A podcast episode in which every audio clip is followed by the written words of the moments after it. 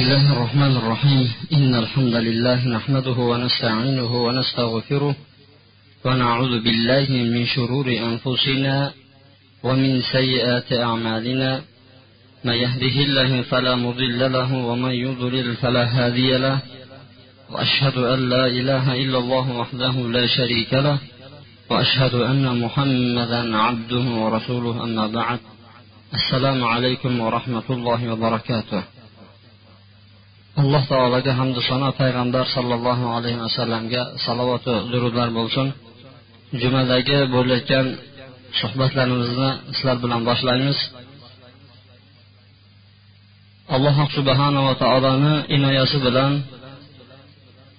bergan tavfiqi bilan sizlar bilan yusuf surasini sizlar bilan oxirgi bo'lgan suhbatimizni bir qator eslab o'tamizki oxiri bo'lgan suhbatimiz yusuf alayhissalomni nafsidan talab qilgan ayol endi bu safar eshiklarni berkitib emas balki odamlarni ichida ochiqchasiga ayollarni to'plab turib nima qildi? Yusuf alayhissalomdan haligi jirkanch ishni bo'lishini talab qildi. Yusuf alayhissalom hattoki aytdiki agar mana shu ishga ko'nmaydigan bo'lsang dedi biz seni albatta qamoqqa ya'ni zindonga band qilib qo'yamiz seni dedi va yusuf alayhissalomdagi salobatni ko'rgandan keyin ular nima qilishdi endi buni qamamasak bo'lmaydi dedi va mana bu oyatga kelib to'xtagan edik ثم بدا لهم من بعد ما رأوا الآيات la yasjunnahu hatta yusuf alayhissalomdagi oyatlarni ular ko'rgandan keyin ularga ayon bo'ldiki nima ayon bo'ldi buni biroz bir muddatga qamab turmasak bo'lmaydi degan fikr ularga nima qildi ayon bo'ldi yusuf alayhissalomdagi oyat nima edi unda ko'rilgan mo'jiza nima edi deydigan bo'lsa yusuf alayhissalomni ustida ular ochiq hech qanday bir aybni topolmadi. Birinchidan erini o'zi ushlab oldi ikkinchidan yonidagi nima qildi o'zini qarindoshi bunga ham guvohlik berdi. Bu uchta shaxsni o'rtasida bo'layotgan ochiq dalolat bo'ladigan bo'lsa o'zi aslida bundan ortiq dalil kerak emas edi. Bir odam o'zini masalan ayoli nopokligini bilgandan keyin uni man endi tekshiraman oxiriga yetaman deb turib ko'chaga jar solmaydi ay butun bari o'zingda ekan deb turib shu ayoli bilan o'zini nima qiladi? Ishni hal qilib qo'yaveradi. Bu o'zi dalilni o'zi ko'rib turishibdi hamda ayol nima qildi? Butun bari ayollarni yig'ilib turib oshkorni qildi e'lon qildi. Ha man buni nafsidan talab qilgan edim haliyam dedi bu fikrimdan qaytganim yo'qman dedi. Man bilan shu buzuq fohishani qilmaydigan bo'lsa man uni zindon band qilaman deydidagi bari ayollar bildi endi. Bu safar yusuf alayhissalomda mutlaqo ayb yo'q. Oilada ham jamiyatda ham yusufdan ayb topisholmagandan keyin shularni ko'rib turib ham nima qildi ma'lum muddatgacha endi buni bir zindonga solib bo'lmaydi dedi. Sababi gap tarqalib ko'payib ketgan ediki mana shu gap to'silsin dedi. Mana shu gap bekor bo'lsin odamlarni biroz esdan chiqarsin balki odamlarni shundoqki bir vaqtlar o'tishi bilan odamlar to'g'ri gapni tushunib turishligi vaqtlardan keyin esdan chiqib ketar ekan. Ya'ni bu qandaqdir? Yusuf alayhissalomni zindonga kirgizgandan keyin ha ayb o'zida ekanda mana daf bo'lib ketdi. Bari ish bu yoqda ekanda degan gaplar odamlarni ustida g'olib bo'lishligi uchun nima bo'ldi? Mana shu holat bo'ldi. Uni kenglar deydi ozgina bizni o'zimizni jamiyatimizni chetlatib turaylik keyin deydi o'zimiz ularni bir bo'shatib yuboramiz degan maqsadda buni qamoqqa solib qo'yishdi. Alloh subhanava taolo yusuf alayhissalomni qanday qamoqqa solganligini bizlarga xabarini bermayapti ya'ni qandoq olib bordiyekka o'zi odatda zindonga band qilishlik uchun mahkama bo'lishi kerak edi. Mahkamani oldida ko'pchilikni oldida isbotlash kerak edi. Agarchi noto'g'ri dalillar bilan guvohlar bo'lishi kerak edi u yerda. Alloh subhanava taolo bu narsalarni bizlarga aytmayaptiki to'satdan u kishi bilan birga yusuf alayhissalom bilan birga zindonga ikkita saroyda xizmat qilib yuradigan yigit ham tuhmat bilan kirganligini mana qur'oni karim bizlarga bayon qilib beryapti. U kishi bilan birga zindonga ikki xizmatkor yigit ham tuhmat bilan kirgan edi.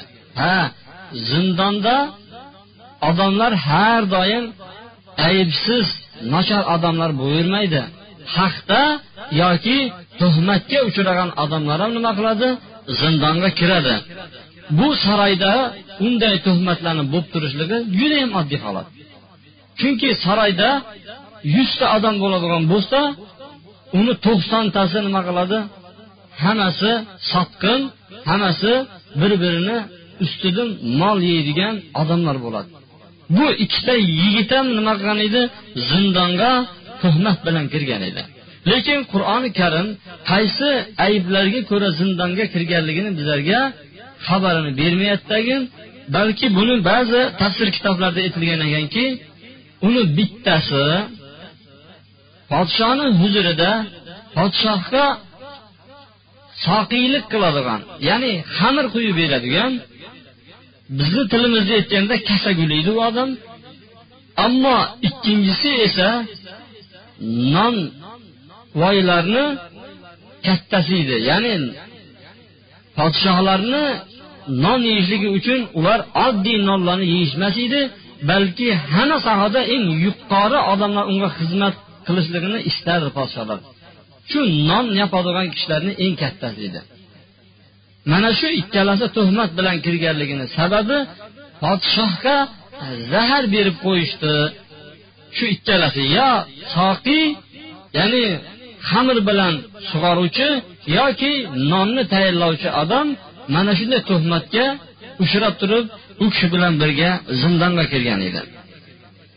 قال أحدهما إني أراني أعصر خمرا وقال الآخر إني أراني أحمل فوق رأسي خبزا تأكل الطير منه نبئنا بتأويله إنا نراك من المحسنين ularni bittasi aytdiki man tush ko'ribman dedi ikkalasi ham bir kechada tush ko'rgan ana shu tushlarini yusuf alayhissalomni oldiga kelib aytib beryaptiki men tush ko'ribmanki shunda men xamirni siqayotgan ekanman deydi. Ya'ni xamir mast qiluvchi ichimlik. Uzumdan man sharob tayyorlab shu hojamga berayotgan ekanman degan tushni ko'rdi. Ikkinchisi esa inni arani ahmilu fawqa ra'si khubza. Man boshimda non ko'tarib ketyapman. Shu sallada nimadir non ko'tarib ketayotgan ekanman. U nondan qushlar cho'qib ketyapti. Mana shuni ko'rdik. Bizga mana shu ikki tushimizni tavilini aytib bersangiz dedi. Shu tushimizni bizlarga yo'yib bersangiz biz sizni judayam bir pokiza go'zal odam deb ko'ryapmiz deb ikkalalari nima qildi? Tushlarini bayon qildi. Mana shu oyatlarga nima qilamiz? To'xtalib o'tamiz. Bu zamonda tush nihoyatda rivojlanib ketgan edi. Tush shunchalik darajada rivojlangan ediki bu tushni tabirini aytib beradigan odamlar ham ko'payib ketganligiga mana shu surani o'zi dalolat qilib turibdi.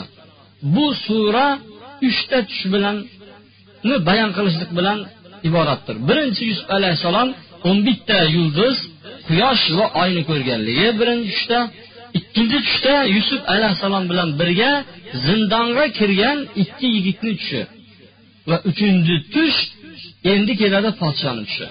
Ana shu uchta tush bilan hayotni hammasini nima qilyapti? Alloh taolo qur'oni karimda ko'zimizni oldimizga aytib kelib qo'yadi. U qaysi hayot edi? U bizdan ancha yillar ilgari o'tgan hayotni o'z bizlarni ko'z oldimizga olib kelib qo'yadi. Bular ham tushlarini yusuf alayhissalomga aytib beryaptiyu savol tug'iladiki qasdin bildi bu yusuf alayhissalom bu tushini ta'bir qiladiganligini. Qur'oni karim bularni bizlarga ochiq bayon qilmayaptiki balki bularni oldiga kelyapti.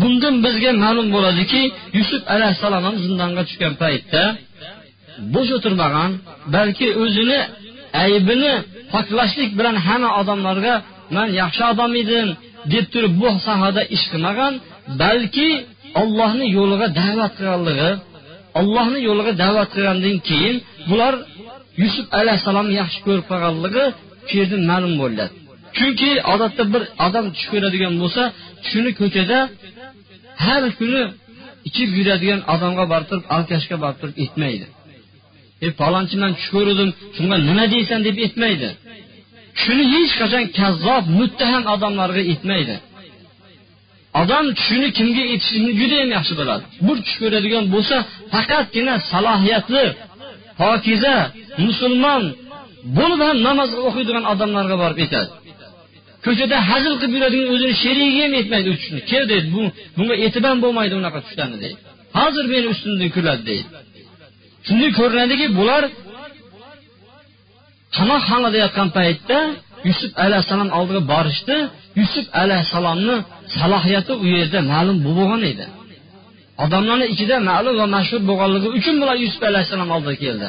Chunki yusuf alayhissalomni saroyni ichida yashirib yurishadi.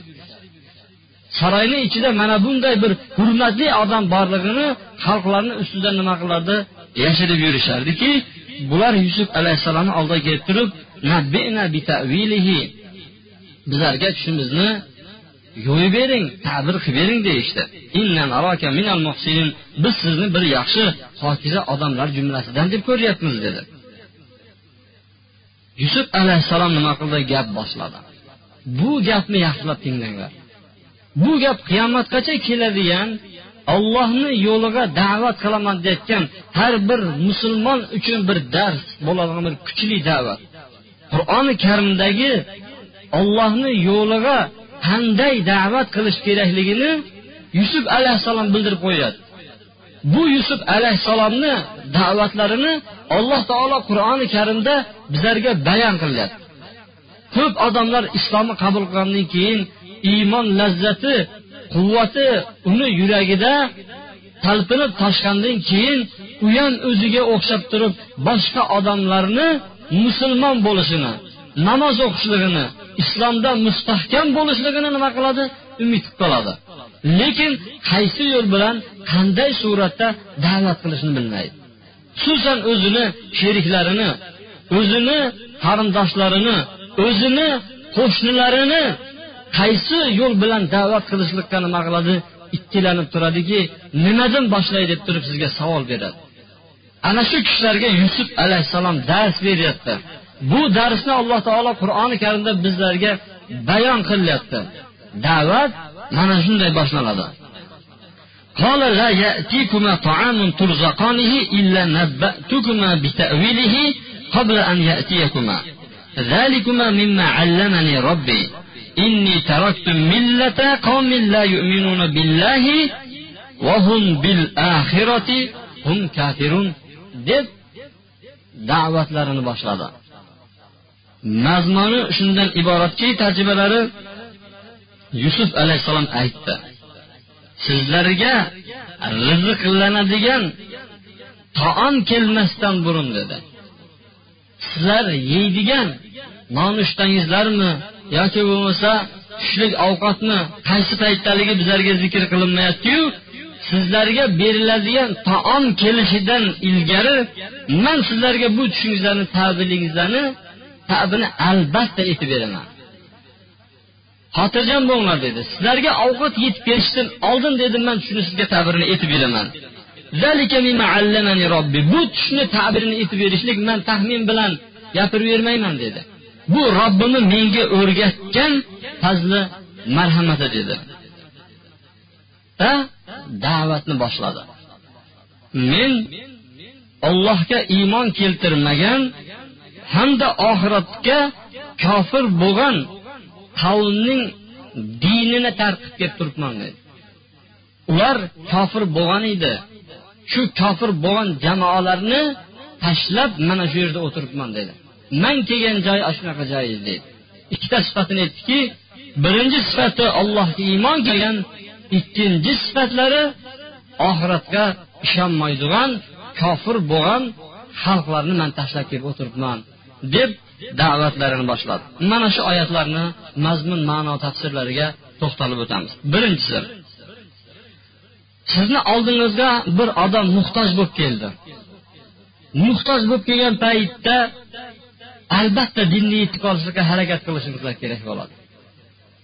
Chunki fursat u yerda. Sizni oldingizga o'zi bosh egib turibdi. Ana shunaqa paytda sizni shu ishingizni tezlik bilan ravo qilib balki allohni yo'liga chaqirishga ozgina bo'lsa fursat topishingiz kerak. Bu ham aytyaptiki sizlarga aytib beraman dedi. Xotirjam bo'linglar dedi sizlarga aytib beraman. Xotirjamlikni eng yuqori cho'qqisiga nima qildi? Ishora qilib qo'ydiki taom kelishdan oldin deb qo'ydi. Chunki zindonda mahbus xonalarda eng ular muhtoj bo'ladigan ish nima edi? Uydagilarni kelib ko'rishi ham emas. Ularga eng birinchi narsa taom kelishiydi. U yerda birinchi ikkinchi uchinchi turdagi taomlar kelmaydi. Faqatgina o'lib qolmaslik uchun u yerda ovqat beriladi. Ovqat berilgan paytda ham ikki uch soatlab turib shu bemalol yeyveringlar deyilmaydi. Juda qisqa muddat beriladiyu yesangiz yeb qoldingiz yemasangiz undan ham quruq qoldingiz. Ularga aytilyaptiki sizlarga ana shu taom kelguncha aytib beraman dedi. U taomni siz hali kelmasin turib xotirjam qo'yyaptiki bu tarafdan sizlar xotirjam bo'linglar dedi. Balki bu da'vatini aytayotgan paytda ovqat kelib qoladigan bo'lsa da'vati ham quloq kirmaydi. Hamma turib ketadi unaqa joyda. Man aytib beraman sizlarga dedi. Albatta xabarini yetkazaman dedi.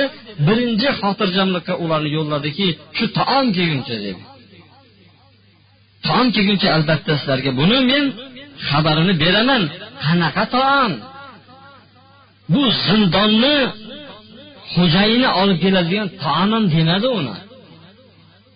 Bu sizni zindon band qilgan odamlar olib keladigan taomim demadi. Payg'ambarlarni qalblari shunaqa bir mehribon muloyimki sizlarga rizq qilib beriladigan dedi. Ya'ni alloh subhanava taolo beradigan taom olib kelishadi ular dedi. O'zlaricha tayyorlab turib o'zlarini nimadir mana bizlar ovqat beryapmiz biz bo'lmaganda siz bo'lmas edingiz degan gaplarni ham payg'ambarlar nima qiladi unaqa gaplarga aralashmasdan balki turzaqonihi sizlarga olloh tomonidan rizq qilib berilgan narsalar kelguncha dedi. Shuni ham o'zi da'vat bo'lyapti ularga. Bular ular tarafidan keladigan taomam demayapti. Olloh tomonidan sizlar uchun keladigan taom kelguncha man sizlarga buni aytib beraman. Yana xotirjam qildiki man sizlarga aytgan paytda bir cho'pchak ham aytib beraman demayapti. Bir urinib ko'rayman bir harakat qilib ko'ray degan gaplar ham bo'lmayapti. Bu meni robbim o'rgatgan narsa.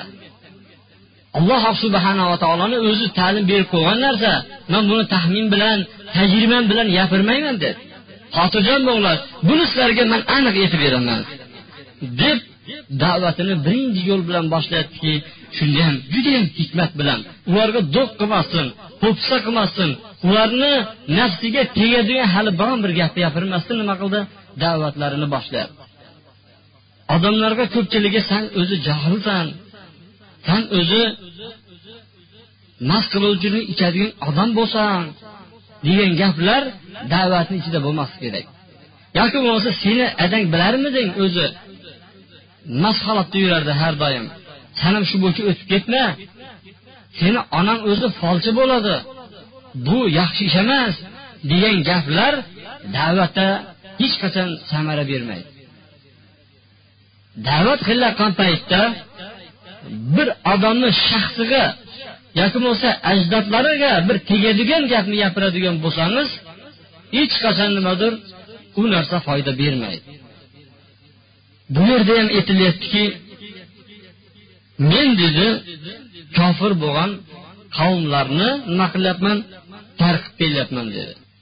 Men allohga ishonmaydigan va oxiratga kofir bo'lgan xalqlarni tarqib kelyapman. Aytmadiki sizlarni shunday bir odamlarni ichida bo'ldimki siz ikkalangizlar bir kofir edingizlar ham demayapti. Umum gapiryaptiki hattoki falon falon odamlar kofir degan so'zni ham aytmayapti. Umumiy qilib turib allohga ishonmaydigan va oxiratda kofir bo'lgan odamlarni man tark qilib keldim dedi.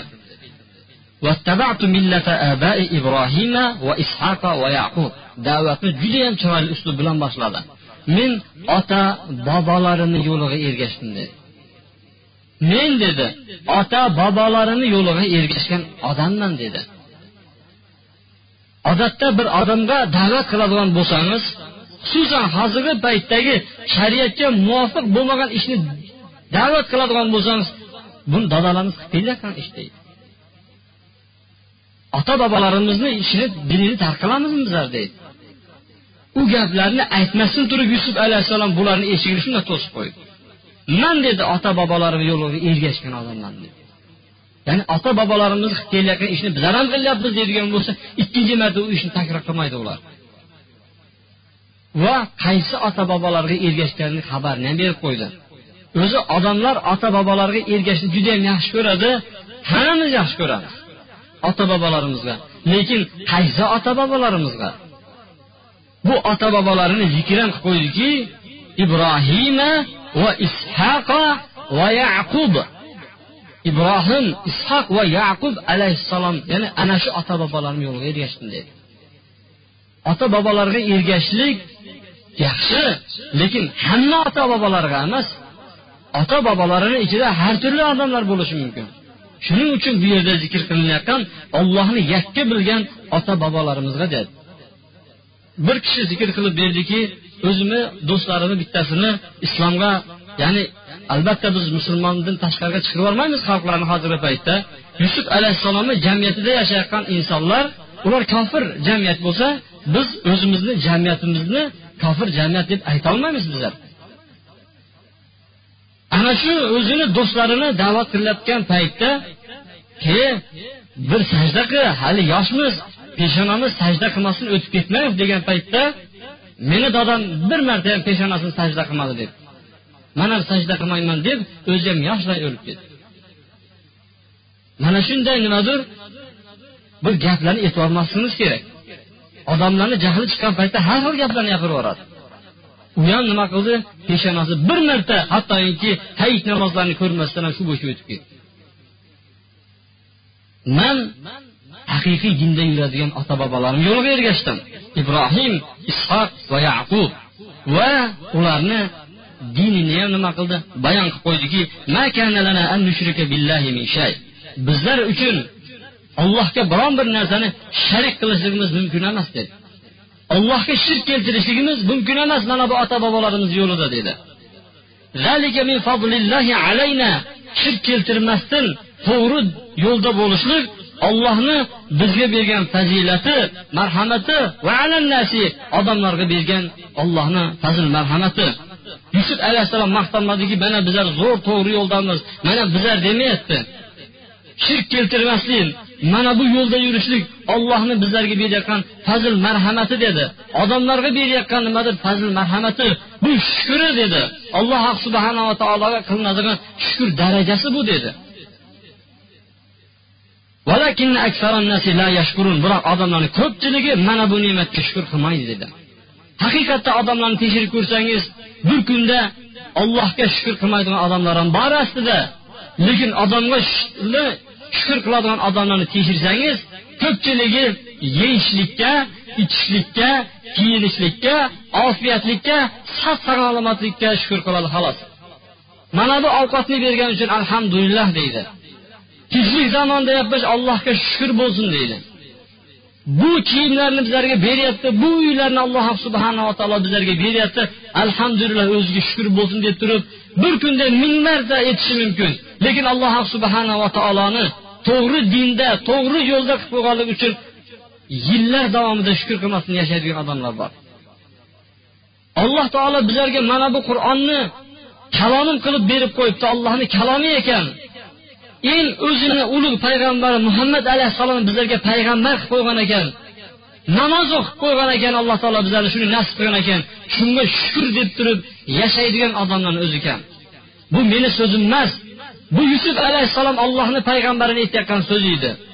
Allohga shirk keltirmasdan toza tavhidda ollohni o'zini yakka o'ziga ibodat qilib yurishlik dini bu ollohni bizlarga bu odamlarga bergan fazl marhamati buni ko'p odamlar tushunmaydi deyapti odamlar.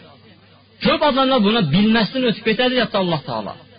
Haqiqatda shundoq alloh taolo menga islomni nasib qilgan ekan. Meni bo'ynimga hashni chiqishdan alloh taolo qaytargan ekan. Ba'zi odamlarga o'xshab turib hayotin bir najas johiliyatda o'tkazib qo'ymagan ekan. Masjidga kelyapman. Masjidga qadam qilib turib musulmonlarni safida o'tiribman man ham deb turib shukur qilishlik bu hammaga ham nasib qilavermas ekan. Bu ollohni fazl marhamati ollohni berayotgan ne'mati bu dedi yusuf alayhissalom. Lekin buni ko'pchilik odamlar tushunib yetmaydi dedi. Deb turib nima qildi? Avval bu ikki do'stini shirkdan qaytardi. Shirk nimaligini nima qildi? Bayon qildi. Bayon qilgandan keyin endi ollohni yakka ibodatga loyiq zot ekanligini isbot qilishga qaranglar bu da'vatni uslubini. Bu ollohni yo'liga chaqirayotgan uslubga bir e'tibor qilinglarki birinchi shirkdan tozaladi chunki shirkni alloh subhanava taolo qur'oni karimda najas dedi. Najasun dedi. Mushriklar najasdir dedi. Shirk keltirishni o'zini yetmadi shirk keltirayotgan odamni o'zini najas dedi. Najasni nimaligini hammamiz yaxshi bilamiz. Shirk keltirayotgan odamu shirkni o'ziyu bu najas bo'ladi. Najasni birinchi tozalab olish muhtoj bo'ladi odam. Da'vat mobaynida yusuf alayhissalom ularga birinchi shirkni tushuntirdi. Shirkni najasidan toza qilgandan keyin endi unga xolis tavhid xolis ya'ni ollohni yakka xudo ekanligini nima qildi? Aqliy dalillar bilan isbot qilish yo'liga o'tdiki ya sohibai sijni ey zindon birodarlarim dedi. Ey zindonda yotgan ham zindon birodarlarim dedi.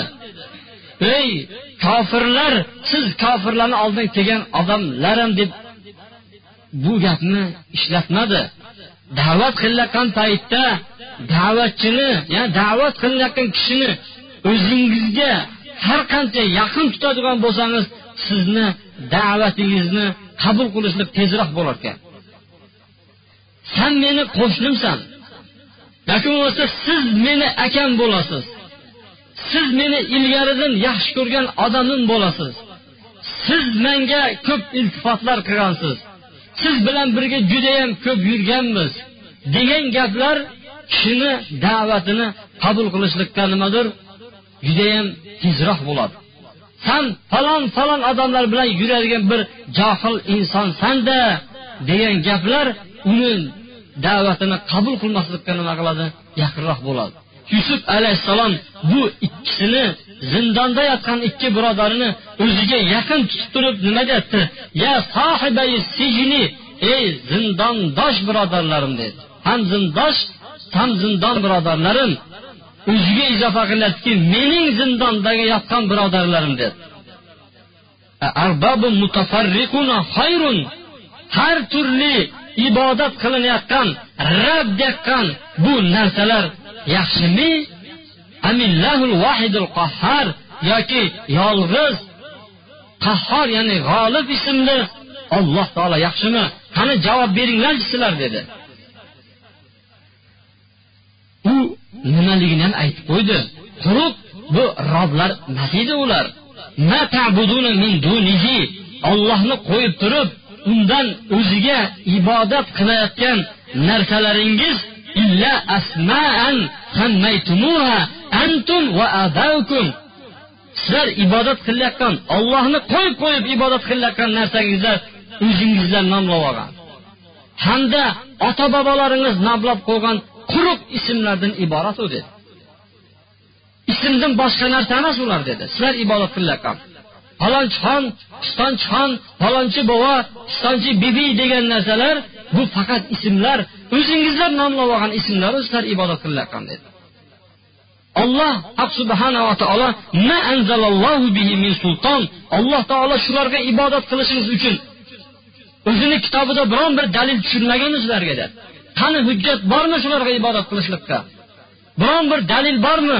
Biron bir payg'ambar aytdimi? Biron bir hujjat bormi shunga? dedi.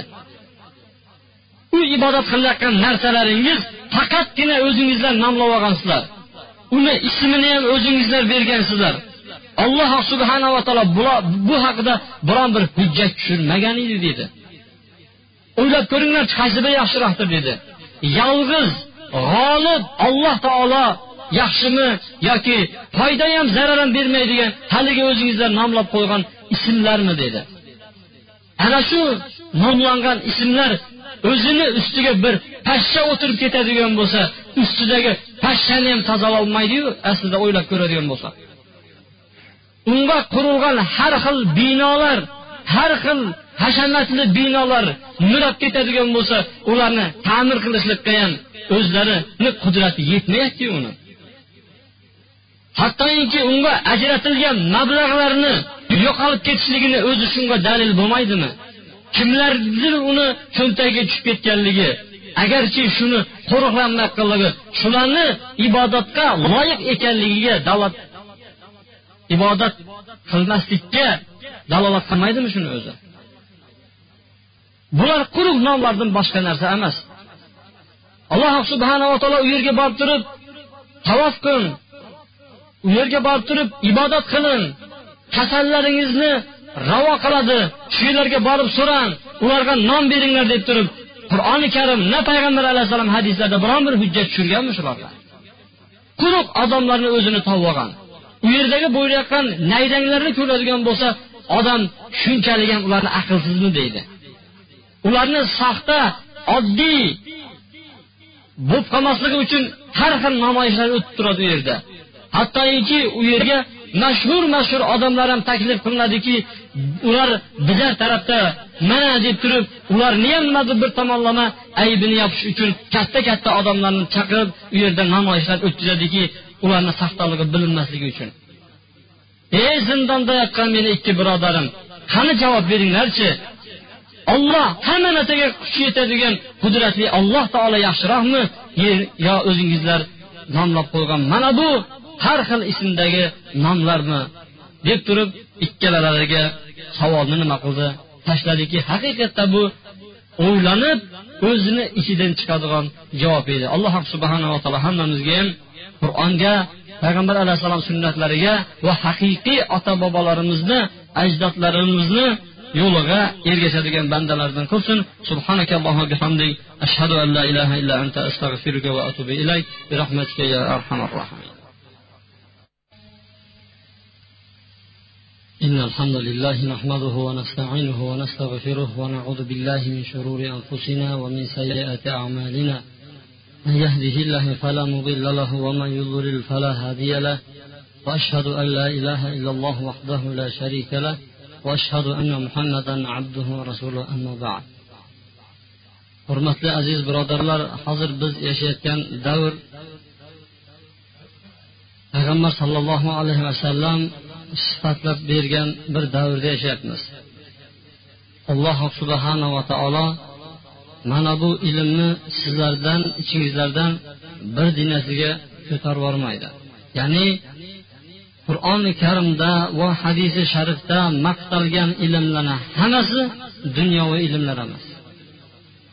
Xoh uni sharhini tekshirayu xoh matnini tekshirayu birontasi bu al ilm deb aytilgan narsalarni hammasi shariat ilmlari. Alloh taolo aytyaptiki qiyomatga yaqin ilm ko'tariladi dedi. Payg'ambar alayhissalom aytyapti. Lekin bu ilmni ko'tarishligi olimlarni vafot etishligi sababli ko'tariladi dedi. Natijada odamlar olimsiz qolib o'zlariga olim bo'lmagan juhol deb qo'yadi johillarni peshvo qiladi o'zi ham adashadi va boshqalarni ham adashtiradi. Dedi haqiqatda biron bir shar'iy olimlar bir yo'q holatda hammamiz nima qilyapmiz? Yashayapmiz. Bu hammamizni bo'ynimizdagi zimmat. Qiyomat kuni hammamiz javob beriladigan nimadir farzi ayn bo'lgan bu ishdir. Farzi aynni hammamiz yaxshi bilamiz. Farzi ayn degani va farzi kifoya degan narsalar bor. Farzi ayn degani har bir shaxs o'zi bajarilishi kerak. Bajarmasa gunohkor bo'ladi. Uni o'rniga boshqasi bajarsa ham u o'tmaydi. Farzi kifoya degan narsa bor. Bir odam bajarsa hammani bo'ynidan ham saqit bo'lib ketaveradi. Masalan janoza namozi farzi kifoya to'rtta beshta odam o'qib qo'ysa mahalladan bo'ynidan hammasini saqit bo'ladi lekin hamma mahalladagilar o'qimaydigan bo'lsa hammalari ham nimadir bab barobar gunohkor bo'lardida ilgari mana bu misol keltiriladi masalan bir mahallada tabib yo'q tabib emas tabib yo'q. Kasal odamlar nima bo'ladi? Tabib yo'q bo'ladigan bo'lsa. Borib vafot etadi. Lekin ish nima bilan tugayapti? Bir kishi vafot etib ketyapti bo'ldi. Bir kishini hayoti tugayapti yana bir kishini vafoti nima qilyapti tugayadi. Ana shu besabab vafot etib ketganligi uchun mahallalarni hammasi nima qiladi? Gunohkor bo'ladiki o'zilarini ichidan bitta tabib tayyorlanmaganlar uchun. Ammo hozirgi kunda biz bunaqa misollarga muhtoj emasmiz balki buni aksi bo'lib qoldiki hamma mahallada ish to'xti desang ish to'xtini topa bilasiz. Bir kishini qorni og'rib qoladigan bo'lsa bu tabiblarni topasiz har xil sohada hattoki bir mol og'rib qolgan bo'lsa mahallalarda bu mol doktorlar judayam ko'p. Lekin bir kishini shariatda bir masala tug'ilib qoladigan bo'lsa shuni yechib beradigan bir inson yo'q. Mana shariatda namozni buzilib qolsa tajdai sah bilan tugashlik uni ko'pchilik om xalq ham biladi uni. Lekin hozirgi kunda bo'layotgan ba'zi ishlar borki shularni ko'piga shariatdagi javob berilmay qolib ketilyapti. Va bilsa ham bilmaganga olib nima qilyapti o'tib ketilyapti. Shuning uchun xalqni hammasi gunohkor bo'ladi bu tomonlama. Ilgari haliginaga tabiblar va boshqa bir mutaxassislar yetishmagan bo'lsa endi din olimi yetishmaydi. Mana bu uchun nima qilish kerak? Hamma harakat qilish kerak. Shoyatki mana shu bizni yurtlarimizda ham diniy olim haqiqiy robboniy olim chiqib qoladigan bo'lsa bu bizlarga eng muhim bo'lgan narsa. Bu o'zimizni oilamiz o'zimizni mahallamiz uchun emas bu jamiyatni qutqarib qoladigan robboniy olim kerak bo'ladi. Agar bir mahallada bir doktor topilmay qolsada shu sababli bir kishi vafot etib ketsa bo'ldi o'ldi ketdi hech narsa bo'lmadi unga. Bir odam bir mahalladagi qaytish qildi bo'ldi.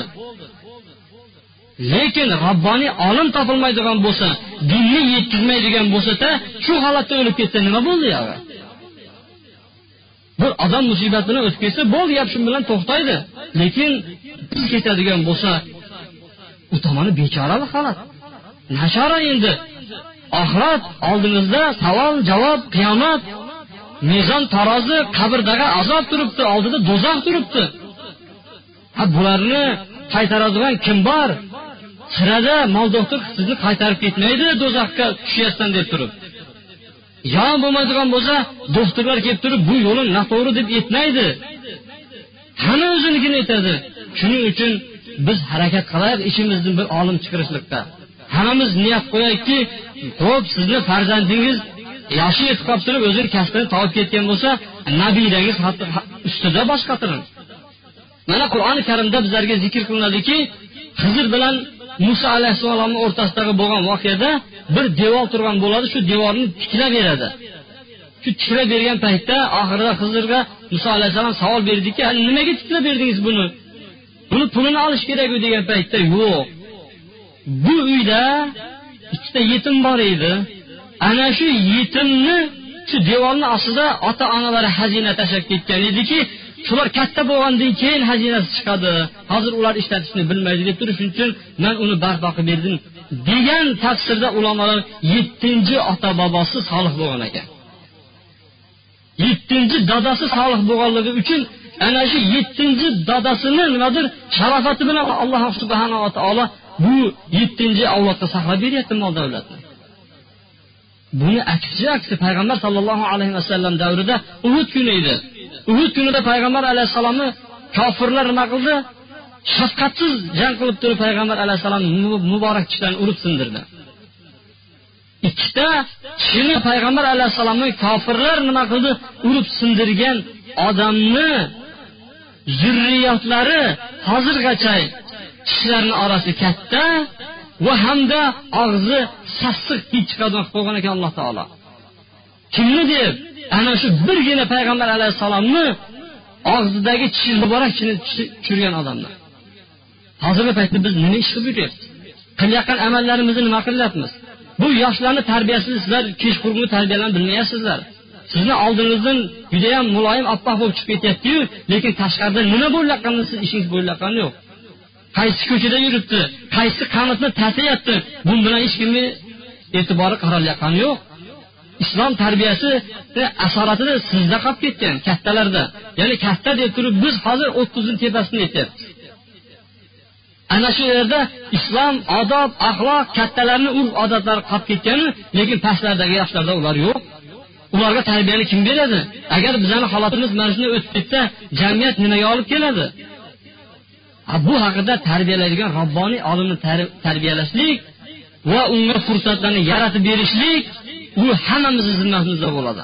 Kelinglar mana shu masala haqida bir bosh qotiraylik uydagilar bilan maslahat qilaylik farzandinglarni diniy robboniy olim bo'lishlikka o'zingizlarni hissa qo'shinglar. Ajab emas sizni avlodingizdan bir olim chiqsayu yetti pushtingizni qiyomatda shafoat turib birinchi bo'lib turib alloh subhanava taolo sizni shafoat qilishlikka izn bersa bu katta baxt bo'ladi. بارك الله لي ولكم في القرآن العظيم ونفعني بما فيه من الآيات والذكر الحكيم وتاب علي وعليكم إنه هو التواب الرحيم. الحمد لله رب العالمين والعاقبة للمتقين والصلاة والسلام على خير خلق محمد وعلى آله وصحبه أجمعين. اللهم صل وسلم وبارك على محمد وعلى آله وصحبه أجمعين. وارض اللهم خلفاء الراشدين المهديين أبي بكر وعمر وعثمان وعلي وعن بقية الصحابة أجمعين. وارحمنا معهم واحشرنا منهم. برحمتك يا أرحم الراحمين.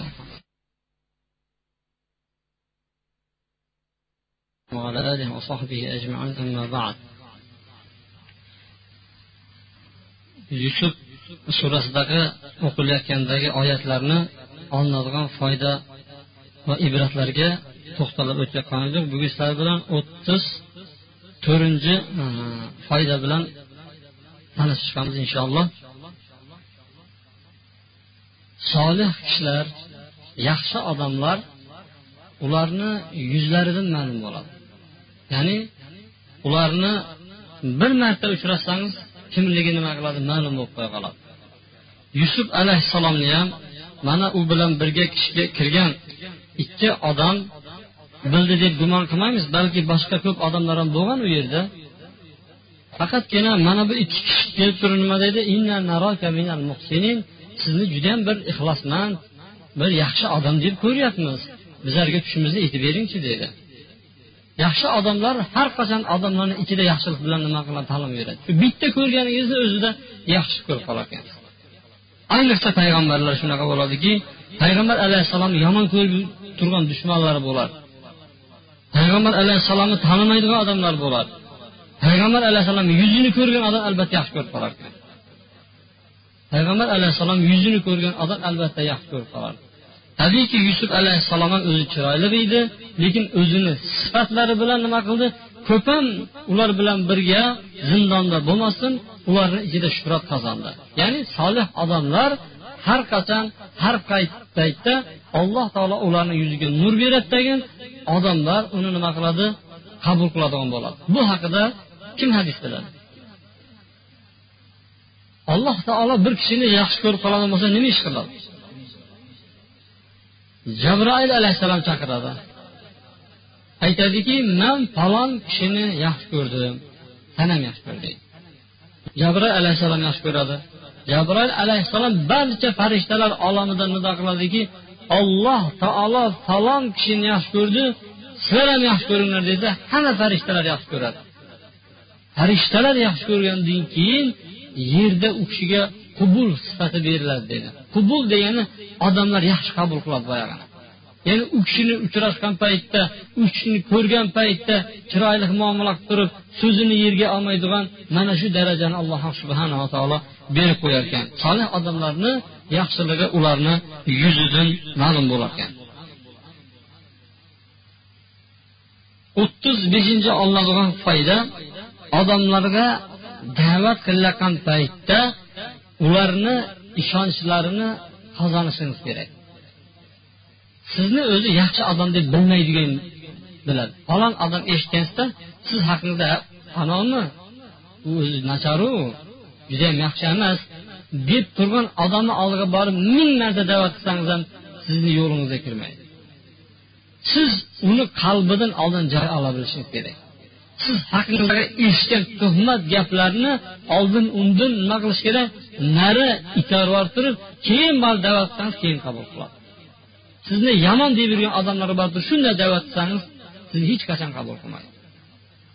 Yusuf alayhissalom ularni ichiga qanday kirdi?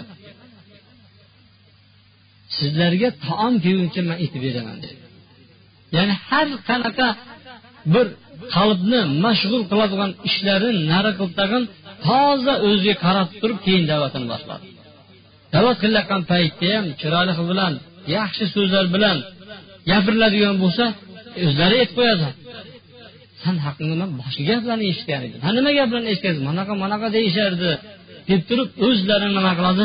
Tilidan alloh subhanava taolo chiqarib qo'yadi. Demak bir odamga da'vat qilayotgan paytda hamma tomonlarni uni xotirjam qilib turib keyin nima qilishingiz kerak? Gapirishingiz kerak. Bir odam bir narsani kutib turibdi vaqt topolmayapti o'tkazolmayapti shunga borib turib indamay da'vat bersangiz o'zi vaqtni o'tkazish kerak ha ha deydidagi kutayotgan tomonda ko'zi bo'ladi. Aytish kerakki yo'q. Shu keladigan bo'lsa taqqa to'xtataman. Man bilan birga ozgina qarab turaman.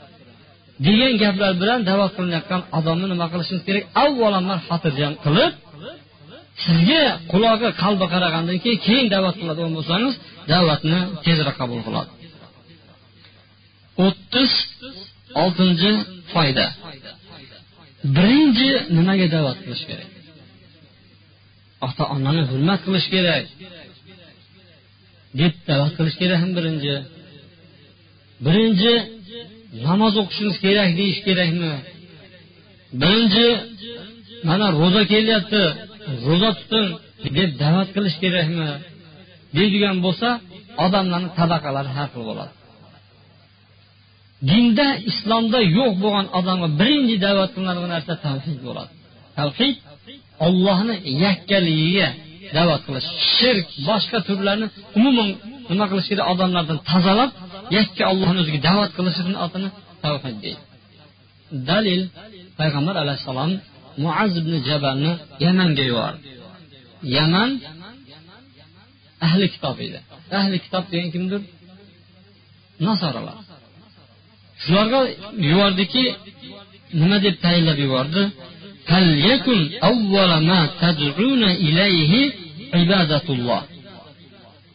Ularga borib da'vat qiladigan narsalar eng birinchisi ollohni ibodati bo'lsin dedi ya'ni tavhid bo'lsin yakka ollohni o'ziga da'vat qilish bo'lsin.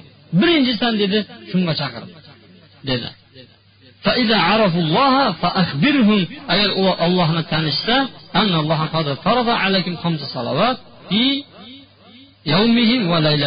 agar uni qabul qilishsa siz bildiringki alloh taolo bir kecha kunduzda ularga besh vaqt namozni farz qildi uni qabul qiladigan bo'lsa keyin zakotni xabar bering dedi demak birinchi nimaga chaqirish kerak odamlarni?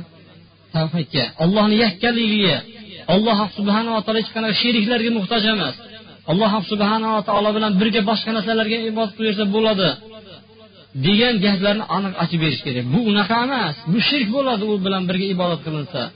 Bu bilan har qancha katta ibodat qabul qilinmaydi. Hajam namoz ham boshqasi ham qabul qilinmaydi deb turib odamlarni xolis ollohni yakkalaga da'vat qilish kerak birinchi.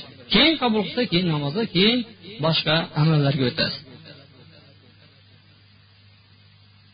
Va da'vat qilinayotgan paytda ho'p man bularni bilaman manga siz man so'rayotgan narsani aytib bering deydigan bo'lsa shu paytda ham eng muhim narsaga to'xtalib baribir ollohni yakkanligiga yoki bo'lmasa kerak savolga javob berishga harakat qilasizki payg'ambar alayhissalomni oldiga bir kishi keldi. Da'vat qilayotgan paytda ham kelgan boshqa paytda ham kelgan edi mana shu holat.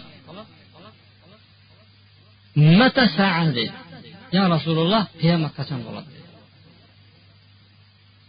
Payg'ambar alayhissalom aytdiki nima tayyorlab qo'yding qiyomat kelishligiga san dedi.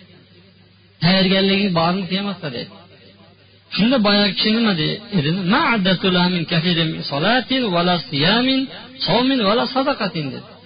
Qiyomatni kelishiga man ko'p namoz zakot sadaqalar va ro'zalar bilan tayyorgarlik ko'rgan joyim yo'q dedi. Biroq man dedi olloh va uni rasulini yaxshi ko'raman. Ana shu e'tiqodim bor dedi. Dedi. San kimni yaxshi ko'rgan bo'lsang ular bilan birga inshaalloh bo'lasan dedi payg'ambar alayhissalom kimlarni yaxshi ko'rgan bo'lsang san shular bilan birgasan deb ishora qilib qo'ydi payg'ambar alayhissalom birinchi bergan savoli xo'p qiyomatdan so'raganda vaqtida nima qilmoqchi odamlar o'zi? Ikki ming misolga falonchi yilda bo'ladi qiyomat? deyilsa nima foydasi bor odamga? Payg'ambar alayhissalom undan ham kerakli bo'lgan umuman nima tayyorlab qo'yding dedi. Nima tayyorgarlik ko'rding qiyomatni ho'p bilgan taqdirimda ham dedi. Tayyorgarlik haqida so'radida demak kelgan odamlarga birinchi shu savol berayotgan narsadan ko'ra muhimroq narsaga to'xtalib o'tishingiz kerak. Bir odam sizga nimadir shuni aytib berayotgan bo'lsa yoki oiladagi muammosini aytib berayotgan bo'lsa quloqlab turib shuni yechishlikka emas birinchi allohga ibodat qilishlikka targ'ib qilib keyin o'zini so'rayotgan narsasiga javob bersangiz chunki sizga muhtoj bo'ladi. Nima deydigan bo'lsangiz ho'p deb turaveradi. Lekin da'vatni qilib qilib turib siz so'rayotgan narsa man berolmayman. Yoki man bilmayman deydigan bo'lsangiz boshida gapirgan yarim soat gapingiz qushga chiqib ketadi berolmaydigan narsangiz bo'ladigan bo'lsa boshida ayting manda bo'lganda jon jondan berardimmi? Lekin xudo xohlasa birga harakat qilamiz mana ham harakat qilaman? Lekin bu yoqda bir muhim gap bor. Mana shu masalani bir yechib olaylik ikkalamiz deb turib da'vat qilsangiz u da'vat qabul bo'ladi. Lekin gapirib gapirib turib manda yo'q edi shu narsa deydi boshqa ilojim yo'q desangiz sizni gapingizni qabul qilmaydi mayli yaxshi deb turib bekor ham ketman deb turib nima qiladi? Bet burib ketib qoladi sizdan. Demak odamlar sizga murojaat qilgan paytda eng muhim narsaga to'xtab tushunishga to'g'ri kelar ekan subhanaka allohumma bihamdik.